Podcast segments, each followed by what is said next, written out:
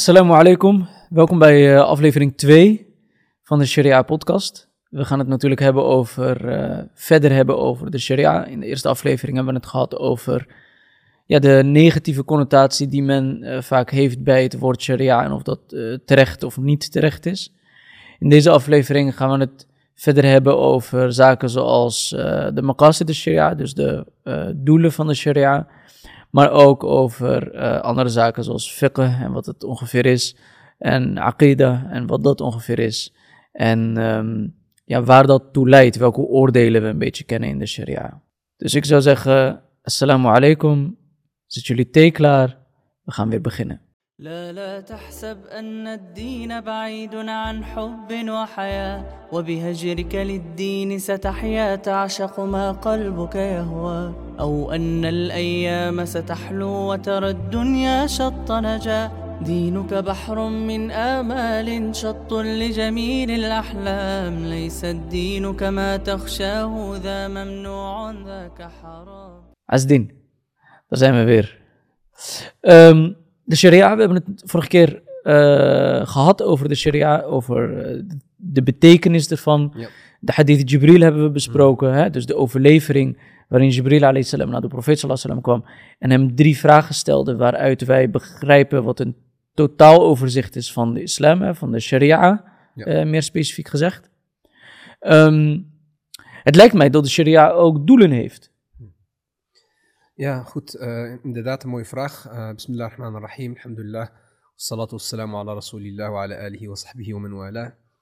Uh, om te beginnen is het heel belangrijk om de kijkers die voor het eerst naar de tweede aflevering kijken, om ze te herinneren aan de eerste aflevering. want het is opbouwend. Dus als je de eerste aflevering hebt gemist, dan raad ik je aan om die eerst te bekijken. Zodat we verder kunnen gaan met de tweede, inshallah ta'ala. Maar als antwoord op je vraag ik denk dat het heel belangrijk is om ons te realiseren dat er sprake is van twee belangrijke elementen op het moment dat we het over sharia hebben. We hebben middelen en we hebben doelen. Hm. Allah heeft ons bepaalde middelen gegeven, zoals de gebeden, zoals het vasten, zoals de zakat, zoals de hajj, maar ze zijn geen doelen aan zich. Het zijn middelen die ons in staat stellen om hogere doelen te bereiken. En als we al die doelen van de sharia zouden moeten samenvatten, dan kunnen we stellen dat de sharia is gekomen met al die middelen om ons eh, in staat te stellen het doel van het voordeel, van maslaha te bereiken. Maslaha wat in ons voordeel is, volgens de sharia, niet volgens onszelf. Hmm. Want heel vaak verwarren mensen dat van elkaar. Dus de sharia is gekomen om jou dat doel te laten bereiken, namelijk dat jij een goed uh, leven leidt. Geleerden hebben naar de sharia in haar totaliteit gekeken. Naar de regels, naar de wetgeving, naar de bronnen, naar uh, zowel primaire bronnen als secundaire bronnen. En zijn tot de conclusie gekomen dat de sharia onder andere is gekomen om vijf belangrijke doelstellingen. En volgens Al-Izz ibn Abd Salam, een van de grote geleerden, uh, is het, uh, zijn er zes. maar volgens de meerderheid van geleerden zijn er zes of vijf belangrijke, hogere doelen van de sharia die uh, zouden, of die de sharia beschermt. Uh, en het allerbelangrijkste, het allereerste, is uh, de goddelijke eenheid. Het dien, godsdienst. De sharia is gekomen om de mens van de nodige kennis te voorzien om godsdienstig te blijven om die band met Allah te blijven onderhouden. Hmm. We hebben gezien dat er in een bepaalde periode sharia ontbrak en geloof ontbrak ook. Eh, ala fatratin min al-rusul. Toen er geen profeten na Jezus salam, na Isa salam, uh, toen er geen profeten daarna kwamen, uh, raakten mensen ontvreemd eigenlijk van religie en, en van geloof. En de profeet sallallahu is met de laatste boodschap naar de mensheid uh, gekomen. Dus allerhoogste doel en het is ook in de juiste volgorde. Dus van het allerbelangrijkste tot. Het zijn allemaal belangrijke doelen, maar uh, in gradaties zijn ze ook uh, verschillend. Dus hogere doel, hoogste doel is om godsdienst in stand te houden. Hifdul Een tweede is hifdul uh, een nefs. Oftewel het beschermen van menselijke levens. Alle regels die er zijn, ook zaken die halal of haram kunnen zijn, zijn, zijn middelen om het menselijke leven te beschermen. En daarom is het zoeken naar genezing bijvoorbeeld een verplichting. Daarom is het een collectieve plicht om artsen in ons midden te hebben. Het is iets wat wij als gelovigen zouden moeten doen. De gemeenschap. Er als er natuurlijk een aantal aanwezig zijn, dan vervalt die verplichting voor de rest. Maar doen we dat niet, nemen we die verantwoordelijkheid niet, dan dragen we niet bij aan een belangrijk doel van de sharia. Eh hifdh nefs. Maar ook zaken die mogelijke schade zouden kunnen berokkenen aan het concept nefs, de ziel of het De mens menselijke leven zelf. ja, dan is het verboden. En daarom is bijvoorbeeld geweld eh, in alle vormen, hè. het is niet alleen maar doden, Eh, al, in alle vormen ver- verboden. Sterker nog, sommige geleerden gaan net iets een stap verder en ze zeggen ook zaken die indirect kunnen bijdragen aan het schade van, mens, van, van het menselijke leven, zoals liegen, zoals ehm, eh, roddel verspreiden over iemand. Het schaadt hem, diegene wordt daardoor misschien depressief, ziek en kan gevaar oplopen en allerlei zaken. Daarom zijn die, die reden ook onder andere, eh, of zijn die zaken onder andere verboden. Dus het menselijke leven staat centraal. Zij redeneren eigenlijk vanuit de maqasid, de sharia, Ja. redeneren ze naar, of tenminste leggen ze uit waarom bijvoorbeeld roddelen en liegen haram zijn. Onder andere, ja. Dat is een van de, een van de mogelijke redenen. Omdat Allah dat verboden heeft verklaard, maar men is op zoek naar de geheimen, naar de doelstellingen van de sharia. Belangrijk, nu je dat zegt, eh, broeder Mohammed, een belangrijke kanttekening is dat maqasid sharia onderzocht worden naar het kennen van het hukm shari, van het wettelijke oordeel. En sommigen proberen het andersom te doen. Zij veranderen de ahkam sharia op basis van hun begrip voor maqasid. Oké, dat is technisch. Dat is te technisch, maar ik wil het wel benoemd hebben, want een maqasid sharia is een resultaat en niet een voorafgaande eh, stap die gezet moet worden om te weten of iets halal en haram is. Sommigen zeggen ja, bijvoorbeeld in, in bepaalde alcohol zit er ook een manfa'a van de mens. Iemand kan tot de rust komen en allerlei zaken. Dat is een heel, heel extre- een, extreme, een extreem voorbeeld. Maar dat is niet hoe sharia werkt.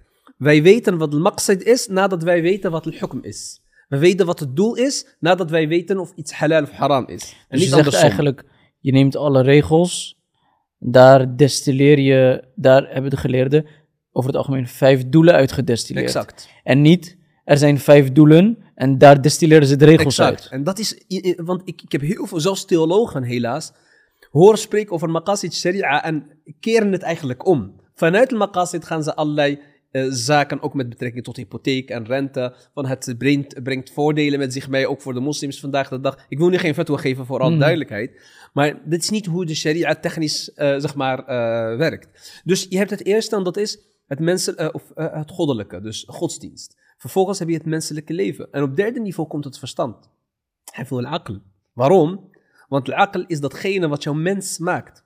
Al-aql is datgene wat jou verantwoordelijk maakt. Al-aql is datgene waarmee je de boodschap begrijpt. Eh, en daarom is het een doelstelling. Dus de sharia is onder andere gekomen om, om, om het verstand te beschermen. Daarom is kennis verplicht. Want het draagt bij en, eh, aan eh, het onderhouden van het verstand. Alcohol is onder andere verboden vanwege het feit dat het een bedwelmend effect heeft op het verstand. En daarom is het verboden. En daarom spreken we altijd eh, over maqasid silben wa ijaben. Wat betekent dat? Eh, zeg maar, wat je niet moet doen om die doelen te realiseren en wat je wel moet doen om die doelen te beschermen. Duidelijk? Dus eh, kennis is iets wat je moet doen. En afstand nemen van alcohol is iets wat wij juist moeten vermijden. We moeten afstand nemen van alcohol en zaken die het verstand op welke manier dan ook zouden kunnen schaden. En dan zijn we nu bij de derde. Derde. Vierde is het, bes- het beschermen van, ehm eh van al-mal of hifd al-nasl eerst. Hifd al-nasl is eigenlijk de volgende generatie. Als ik het heel, heel eh, laagdrempelig en plat mag zeggen. De kinderen, de generatie die na ons zullen komen. De, de gelovige is niet iemand die alleen maar voor zichzelf leeft, maar ook naar de volgende generaties denkt of aan de volgende generaties denkt. En daarom zien wij dat de sharia bijvoorbeeld hele strikte, maar ook duidelijke regels heeft omtrent het huwelijk. Hm. Hoe je elkaar dient te ontmoeten, welke stappen je zou moeten zetten, hoeveel getuigen je nodig hebt. Waarom? Om die familiestructuren te beschermen en te behouden. Het nageslacht is een belangrijk onderdeel, want dat draagt bij aan het voortzetten van de gehele mensheid. Als je het rommelig houdt, als je iedereen zijn gang laat gaan, dan kan dat verstoord raken. Het systeem kan daardoor verstoord raken, waardoor de evenwicht die wij als mensen zouden moeten hebben, uh, verloren gaat. En daarom zien wij dat de sharia hele duidelijke regels heeft omtrent bijvoorbeeld borstvoeding. Wanneer moet je wel stoppen? Het geven van borstvoeding aan anderen. Hoe gaat dat precies in zijn werk? Verloving, het talak, ook scheiding en allerlei zaken zijn heel gedetailleerd uitgelegd vanuit de sharia om ons juist uh, in staat te stellen dat aspect van de sharia te beschermen, namelijk het beschermen van nageslacht en zaken. Ook zaken als huwelijk tussen man en vrouw. Ik, dat is de kan enige niet, legitieme huwelijk. Ik kan niet anders dan iedere keer terug te denken aan die taalkundige betekenis die je gaf. Hè? Dat, is, dat het het pad is naar dat nuttige waterbron. Uh, en, en een van de kenmerken van de sharia is dat het het rechte pad is. Hm. Duidelijke pad, is. En daarom zegt de profeet, taraktukum ala al-mahajjati al-bayda alayhi salatu wassalam. Hij zegt, ik heb, ik heb een heldere, duidelijke uh, zaak voor jullie achtergelaten. Hm. Als jullie daaraan vasthouden, dan zullen jullie tot de geslaagde behoren en nooit afdwalen. Dat is de sharia van Allah die gebaseerd is op Koran en Sunnah. Na het beschermen van... Oh, die, die, die, die combinatie, daar gaan we zo meteen nog even... Ja, zeker. En we gaan daar de komende afleveringen nog verder op in. Inshallah, we gaan alle gedetailleerde zaken grondig met elkaar bespreken. Uh, en vijfde is hifzul mal. Bezittingen. Wilde wat wij van Allah Azza hebben gekregen. Het is een belangrijke gunst, want dat zorgt ervoor dat onderlinge relaties worden vergemakkelijkt.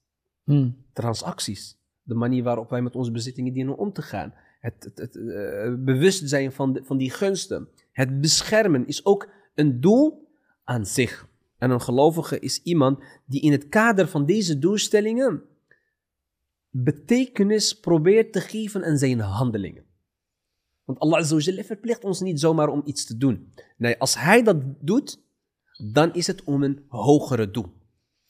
En het laatste wat ik hierover kan zeggen, als je mij toelaat, ik weet dat ik soms te, lang, te langdradig ben, uh, maar het een herinnert mij aan het ander. Waarom is het belangrijk om dat onderscheid te maken tussen doelen en middelen? Alle ahkam, hoe belangrijk ze ook zijn. Het gebed is één van de belangrijkste, als niet allerbelangrijkste handeling is die een gelovige verricht. Maar het blijft nog steeds een middel, niet een doel. En daarom kunnen er situaties ontstaan dat je daarvan kunt of moet zelfs afwijken. Stel je voor, iemand, zet, iemand bedreigt jou en zegt tegen jou, als je nu het gebed gaat verrichten, of de shahada gaat uitspreken, of geen ongeloof uitspreekt, wat tegenovergestelde is van tawhid, dan ga ik jou vermoorden. Wat doe je in zo'n situatie? Wat is de juiste overweging islamitisch gezien? Denk je zelf? Je, hebt natuurlijk, je kan twee kanten op redeneren. Je kan zeggen het is mooi om als uh, shahid, dood, shahid dood te gaan, als, als, als, als martelaar in die zin te sterven. Uh, tegelijkertijd denk ik inderdaad dat uh, ook als je redeneert vanuit wat de sharia, de bedoeling van de sharia is behoud van leven, zoals we net hebben gehoord van je eigenlijk dan zou je ook kunnen redeneren dat je zegt, onder die omstandigheden laat je dat en behoud je het leven, want dat is nuttiger. Exact. Je bent hier niet in een hele andere situatie.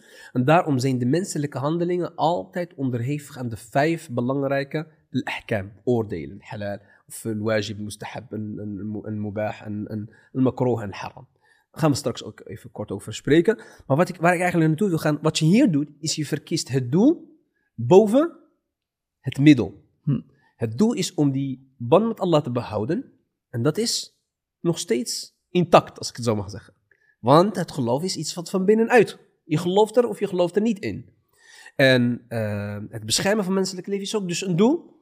Als dat in deze specifieke situatie ten koste gaat van een, uh, van een, uh, van een, doel, van een middel, sorry, dan is dat geen enkel probleem. Hetzelfde geldt voor alcohol. We weten dat alcohol haram is. We, we, we mogen op geen enkele manier alcohol consumeren of nuttigen. Maar als, het, als ik in gevaar ben en de enige middel om zelf uit die gevaarlijke situatie te redden is bijvoorbeeld door alcohol te drinken, dan zeggen onze geleerden, je mag alcohol drinken op het moment dat het noodzakelijk is en geen enkele andere alternatief is. Je mag echter alleen dat, de hoeveelheid drinken die jou in leven houdt. Kan niet losgaan. Uh. kan niet losgaan, nee. Dus alleen de, de hoeveelheid die je nodig hebt om in leven te blijven. En zo kunnen we eigenlijk alle, alle regels van de islam op die manier gaan begrijpen.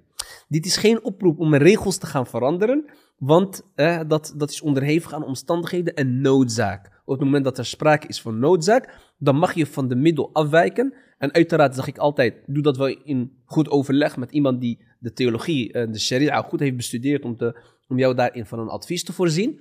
Ook als het gaat om bepaalde ingrepen of bepaalde medicijnen die ingenomen moeten worden. Of, of welke zaak dan ook. Zoals bijvoorbeeld een man mag niet naar een vrouw kijken. Maar als die arts de enige eh, eh, arts is die de, de, die moslima in, in deze specifieke situatie eh, zeg maar, kan redden.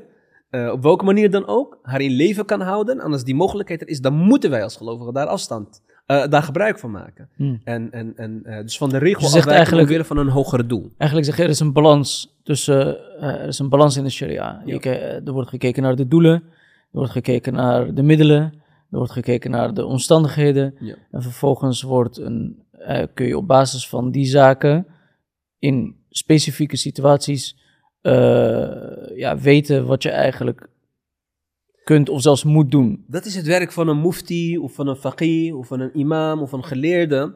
Want de, de, de, de, de, context, de situatie waarin iemand verkeert, uiteindelijk bepaalt wat, wat een regel wordt. Maar kan ik dan niet naar mijn eigen situatie kijken? En zeggen, oké, ik ben bijvoorbeeld ziek, het is Ramadan, ik ben er slecht aan toe. Ik moet dat medicijn slikken om twee uur 's middags. Dat is iets wat, wat niet alleen maar een imam kan beoordelen, maar vooral een deskundige. Dus een maar kan ik het niet voor geval. mezelf beoordelen? Ik, Nou, ik, jij- kan toch ik weet toch zelf, Mhm. even heel gechargeerd gezegd, ik weet toch zelf hoe mijn situatie is. En, Tuurlijk. eh, en, en ik, ik heb net gehoord, ik luister deze podcast, dus ik heb, ik heb net de vijf, eh de vijf maqasid heb ik opgeschreven.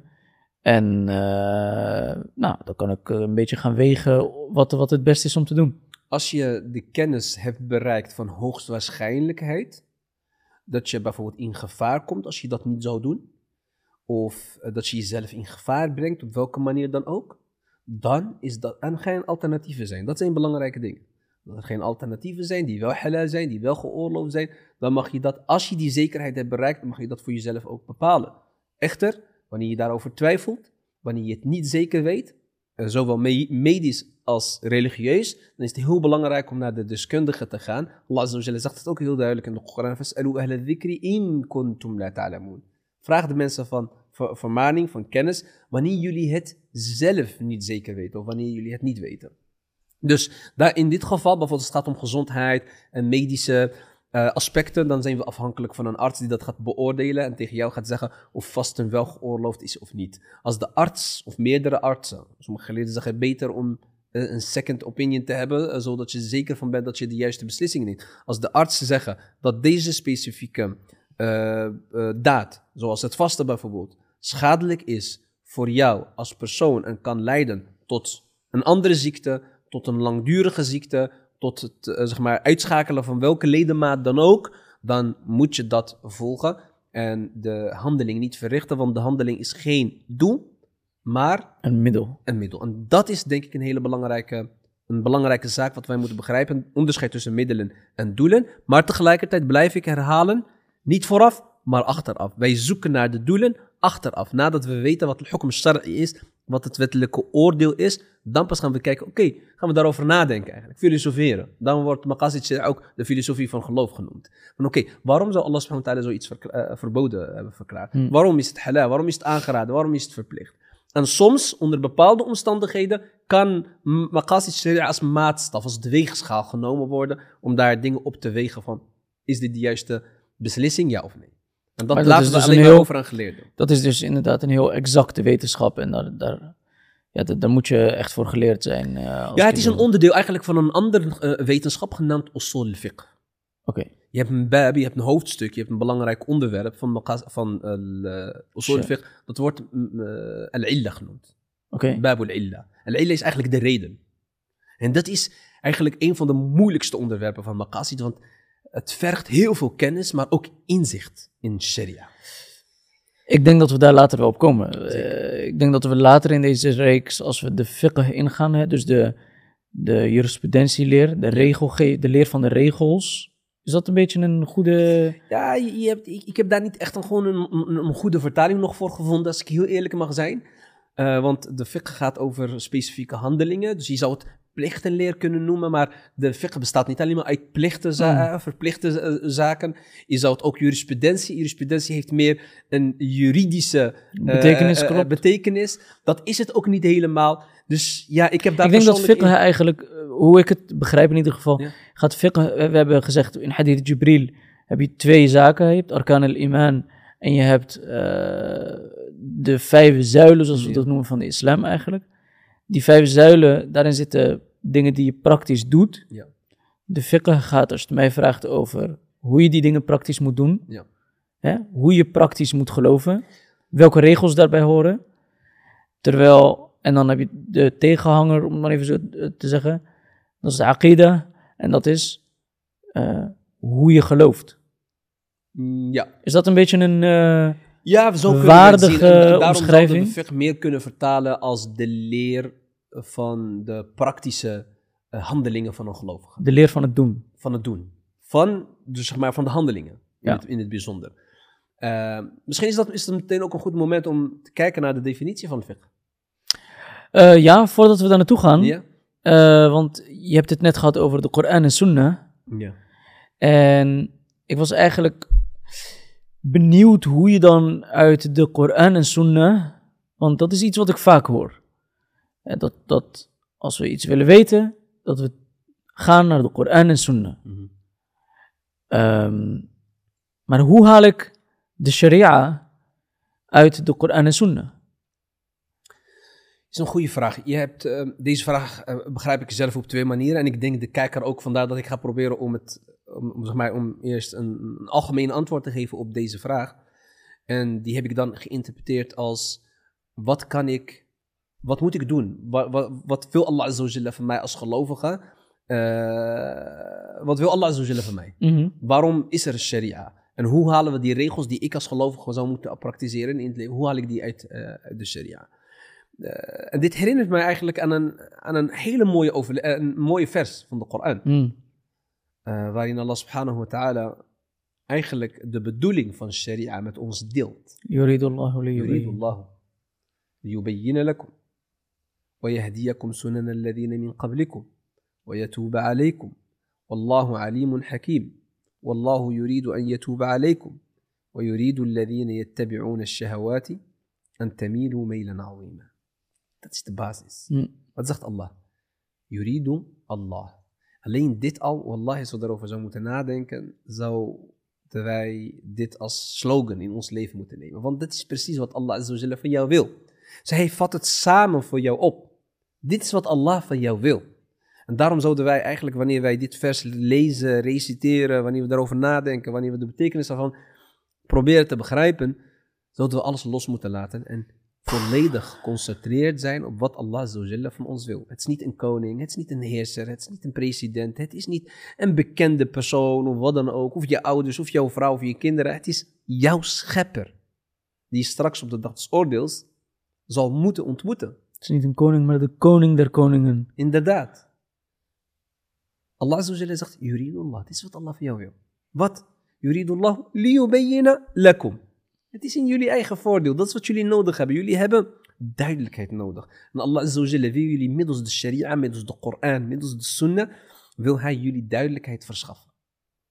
وَيَهْدِيَكُمْ En jullie leiden. Nog steeds is dit wat Allah Azza wa Jalla wil, maar dit is wat Allah voor ons doet. Hm. En niet wat wij doen. يريد الله ليبين لكم ويهديكم سنن الذين من قبلكم ويتوب عليكم en jullie vergeven. Want Allah Azza wa Jalla leidt jou. Allah subhanahu wa ta'ala geeft jou duidelijkheid die je nodig hebt om een goed, goede weg te blijven bewandelen. Maar omdat wij mensen zijn met tekortkomingen, met fouten, met zondes, met beperkingen, weet Allah Azza wa Jalla dat wij tekort zullen schieten en dat wij fouten zullen maken. يريد الله ليبين لكم ويهديكم سنن الذين من قبلكم ويتوب عليكم. En jullie vergeven. Wallahu alimun hakim. Alimun hakim. Alwetend.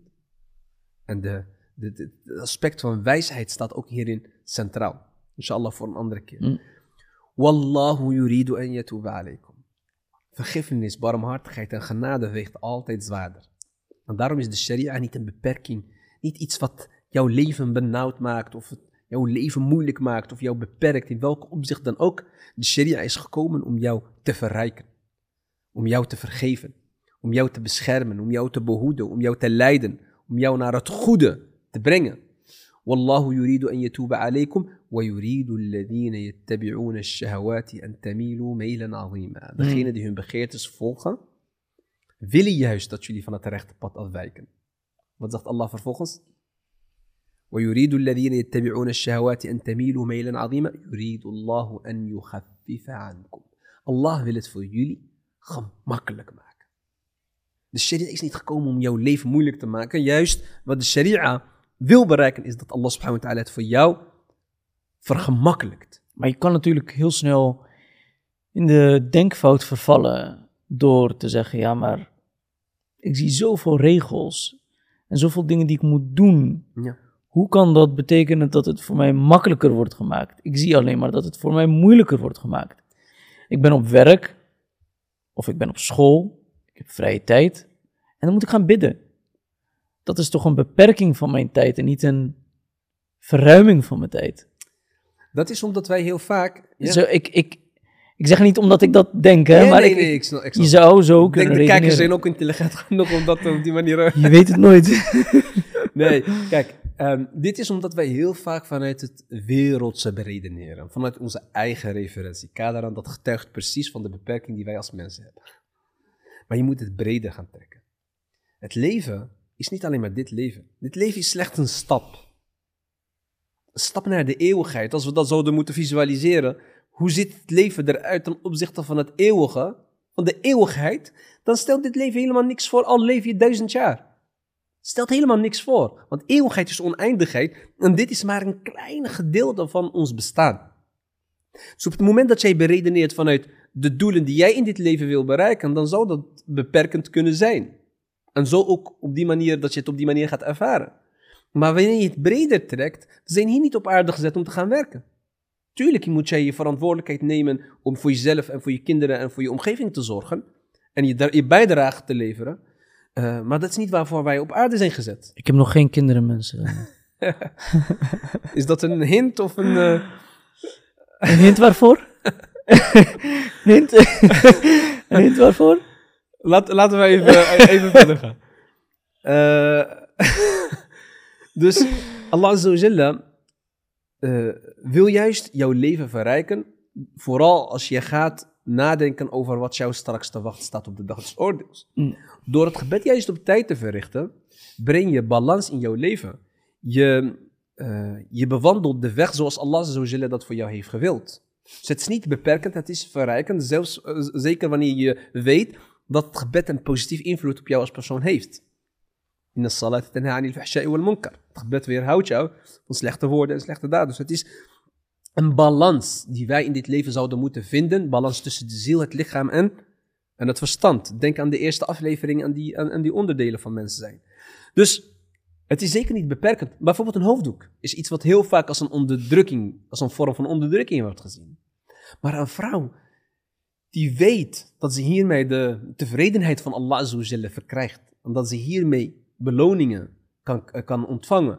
eh, Of hiervoor. En dat zij op de dag des oordeels hoger in rangen kan stijgen op het moment dat, eh, dat ze hieraan houdt. Dan is dat juist een vorm van vrijheid. De absolute vrijheid. Omdat je je eigenlijk jezelf bevrijdt van je eigen lusten, lusten, begeertes, maar ook van wat mensen van jou vinden of over jou zullen denken. Je Ja. koppelt dit aan een, aan, een, aan een hogere doel, aan de tevredenheid van Allah subhanahu wa ta'ala en de weg die je bewandelt naar, naar, eh, naar Allah azza wa jal. Dus dit is wat, wat Allah azza wil. Dus alles wat je moet doen, moet je eigenlijk in dat kader gaan implementeren.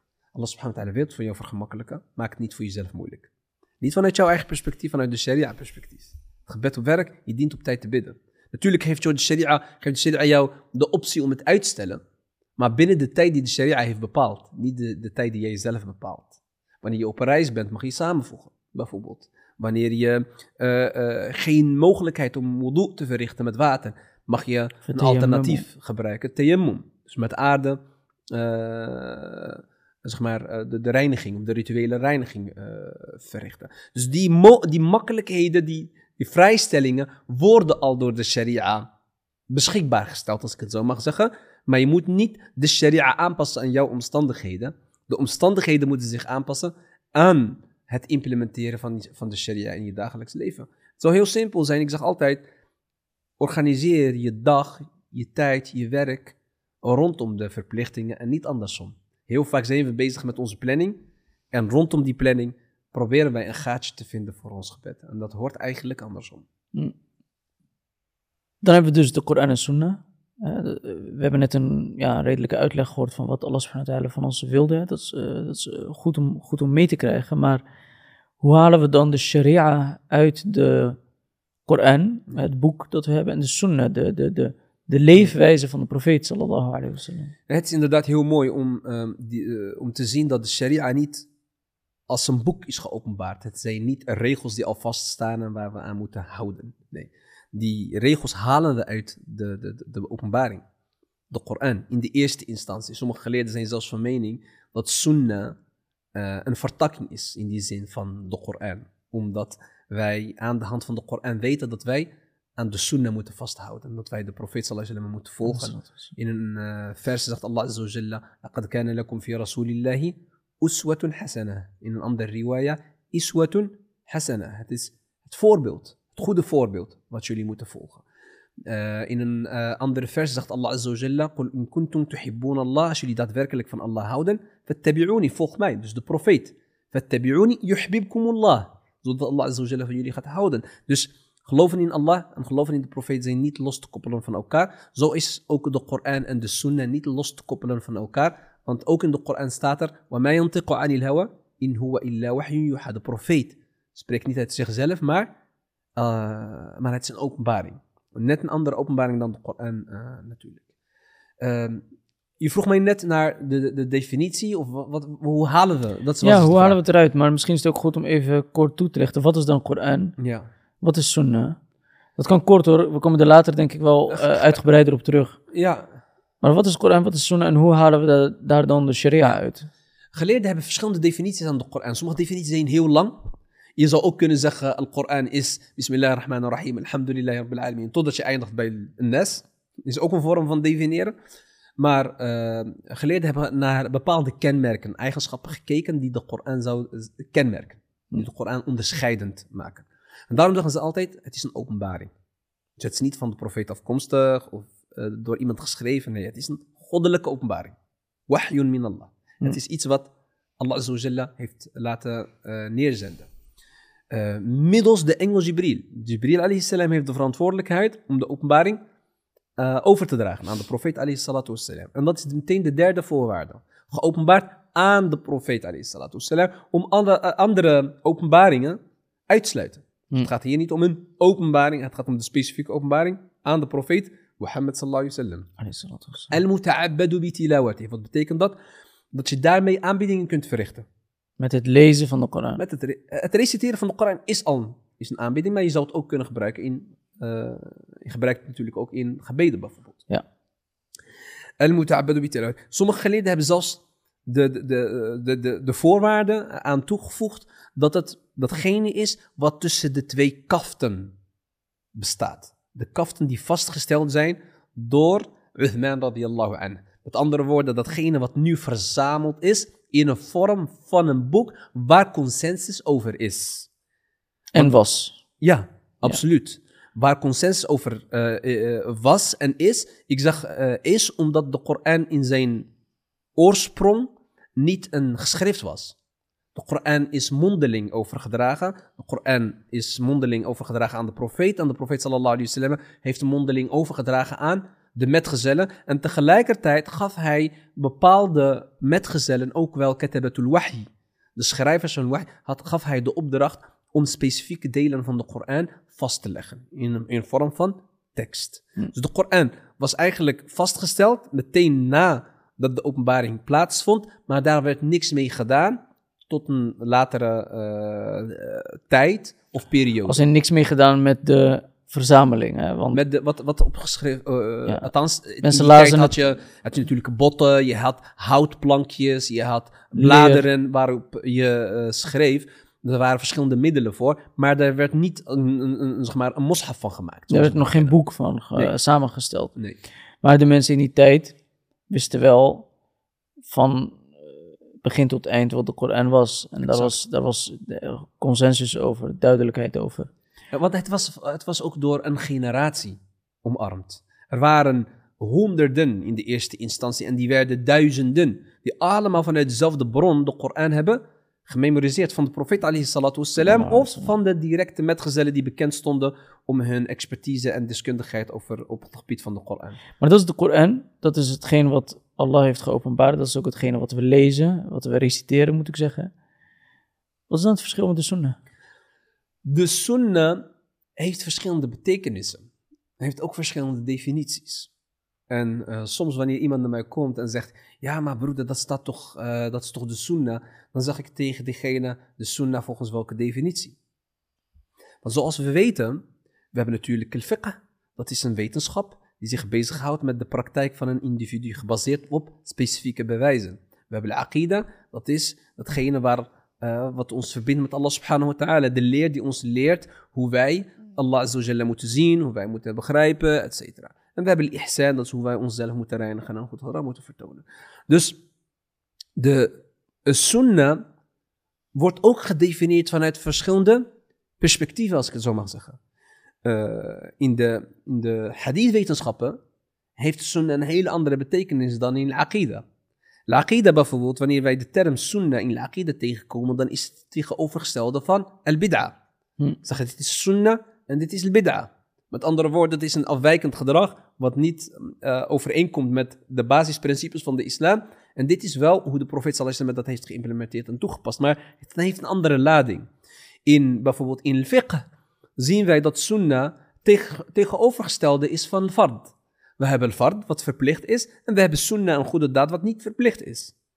Eh, als we kijken naar hadith en sira en dit soort eh, vakken, dan zien we dat de sunnah, en dat is eigenlijk gangbare betekenis, eh sunnah is wat de profeet sallallahu alaihi wasallam heeft gezegd, wat hij heeft gedaan, en de stilzwijgende goedkeuringen, taqrirat. Hm.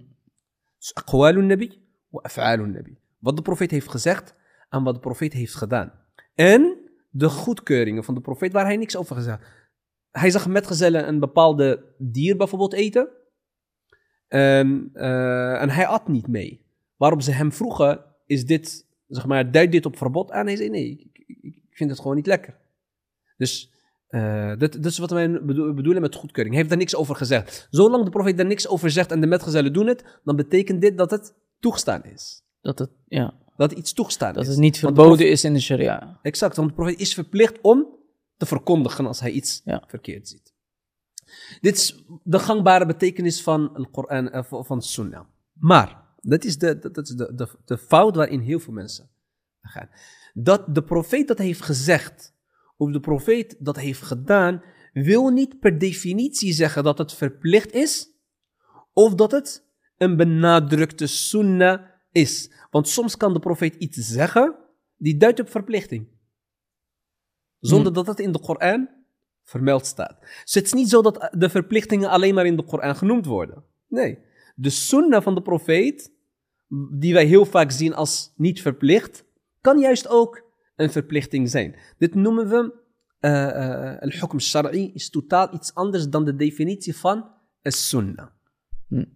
De, eh, de, de sunnah kan als een synoniem gebruikt worden voor datgene wat aangeraden is, al-mustahab of al-mubah. Eh, misschien kun- kunnen we het de volgende, in de volgende aflevering daar, eh, daarover hebben. Maar dat hoeft niet altijd het geval, het geval te zijn. Je hebt ook mensen, en dat is dan de laatste vraag om mee af te sluiten. Je hebt ook sommige zaken dat, dat je dan kan zeggen, ja, maar de profeet, vrede zijn met hem, heeft dat niet gedaan. Dus dan, dan moet ik het toch ook niet doen. Ja, dat is een hele complexe vraagstuk. Ik, ehm, ik stel voor, eh, ik kan het daar heel kort over zijn, maar ik stel voor om dit uitgebreider te behandelen. Want dat is ook iets waar de geleerden eh, ja, over hebben gediscussieerd. Sterker nog, grondig hebben bestudeerd. Is het niet doen van een specifieke handeling een bewijs dat dat een bid'a is, dat dat niet toegestaan zou zijn, of dat het verboden is, of dat het pakroon zou zijn. Wat is precies het oordeel? Daar hebben geleerden uitgebreid over gesproken. Zelfs de handeling van de profeet sallallahu alayhi wasallam zelf. Wat, wat zien we wel per definitie als een sunnah en wat niet? Wat behoort tot al-adat, tot de gewoontes? En wat behoort tot al-ibadat, aanbiedingen? Want niet alles wat de profeet sallallahu alayhi wasallam heeft gedaan, is een aanbieding. Oké, hij wordt nu complex. Wat ik zou, misschien- misschien wat ik zou voorstellen, wat ik zou voorstellen is dat we daar de volgende keer, weet niet of we daar direct in de volgende aflevering mee verder gaan, maar in ieder geval eh, dat we daar de volgende keer mee verder gaan en dat we dan eh, eh, ja, rustig op deze voet verder gaan. Kijk, ik denk dat het wel heel interessant is, omdat we nu een fundament aan het leggen zijn voor een algemeen begrip. Ja. En dat we zometeen ja, de Koran en Sunnah echt in kunnen duiken in de zin van de fiqh en de aqida. En eh, ja, waaruit is, het, waaruit is het opgebouwd? Ja. En daarna, en dat is denk ik eh, hetgeen waar ik het meest naar uitkijk, is dat we dan denk ik ook eh, de fiqh ingaan. Zullen we daar nu al iets over verklappen? Of? Ja, nou ja, kijk, wat mijn intentie is en wat wij met elkaar hebben besproken, en ik hoop dat eh Allah Azza wa Jalla ons in de gelegenheid stelt om dat te realiseren, is dat wij nu met een hele uitgebreide uiteenzetting beginnen, inleiding, waarin wij eigenlijk de sharia ontleden, dus uit Mhm. elkaar halen en proberen te begrijpen. Straks eh, gaan we nog verder eh, op de methodologie. Eh, Oké, hoe, hoe gaan de geleerden er te werk? op het moment dat ze de Koran en de Sunnah raadplegen. Hoe halen ze, hoe weten ze of iets verplicht is of iets aangeraden is? Op welke manier doen ze dat? dat dan komt een stukje methodologie naar voren en dat brengt ons naar een ander eh, onderwerp. Wa- wa- De waarom vier zijn er- wetscholen. eh, onder andere. En er, er zijn niet allemaal vier wetscholen, er zijn vier bekende, prominente wetscholen, maar er zijn veel meer. Ja. Er zijn acht en sommigen zelfs zeggen elf. Dus afhankelijk van wel, wat jij als een wetschool beschouwt. Dat gaat ons meer inzicht geven in de meningsverschillen en hoe geleerden daarmee eh, omgingen. En daarna kunnen wij volgens één specifieke madhab en misschien zelfs eh beide belangrijke madhab hier in Nederland, Maliki en Hanafi, kunnen we specifieke, eh, specifieke eh, rituelen gaan, ga- gaan begrijpen, inshallah, en de regels daarvan leren. ik heb er veel zin in. Inshallah. Mag Allah het nuttig laten zijn. Allahumma amin. Jazakallah khair. Kijkers, dank jullie wel. Wij gaan eh, elkaar weer zien bij eh, aflevering 3. Aflevering 3. Inshallah. Het gaat snel. Dank jullie wel. Wa alaikum أوامره تهدينا وتنادينا للخير. ينهانا عن كل طريق يأخذنا نحو الشر. فالله رحيم وحليم يدعو دوما للبر.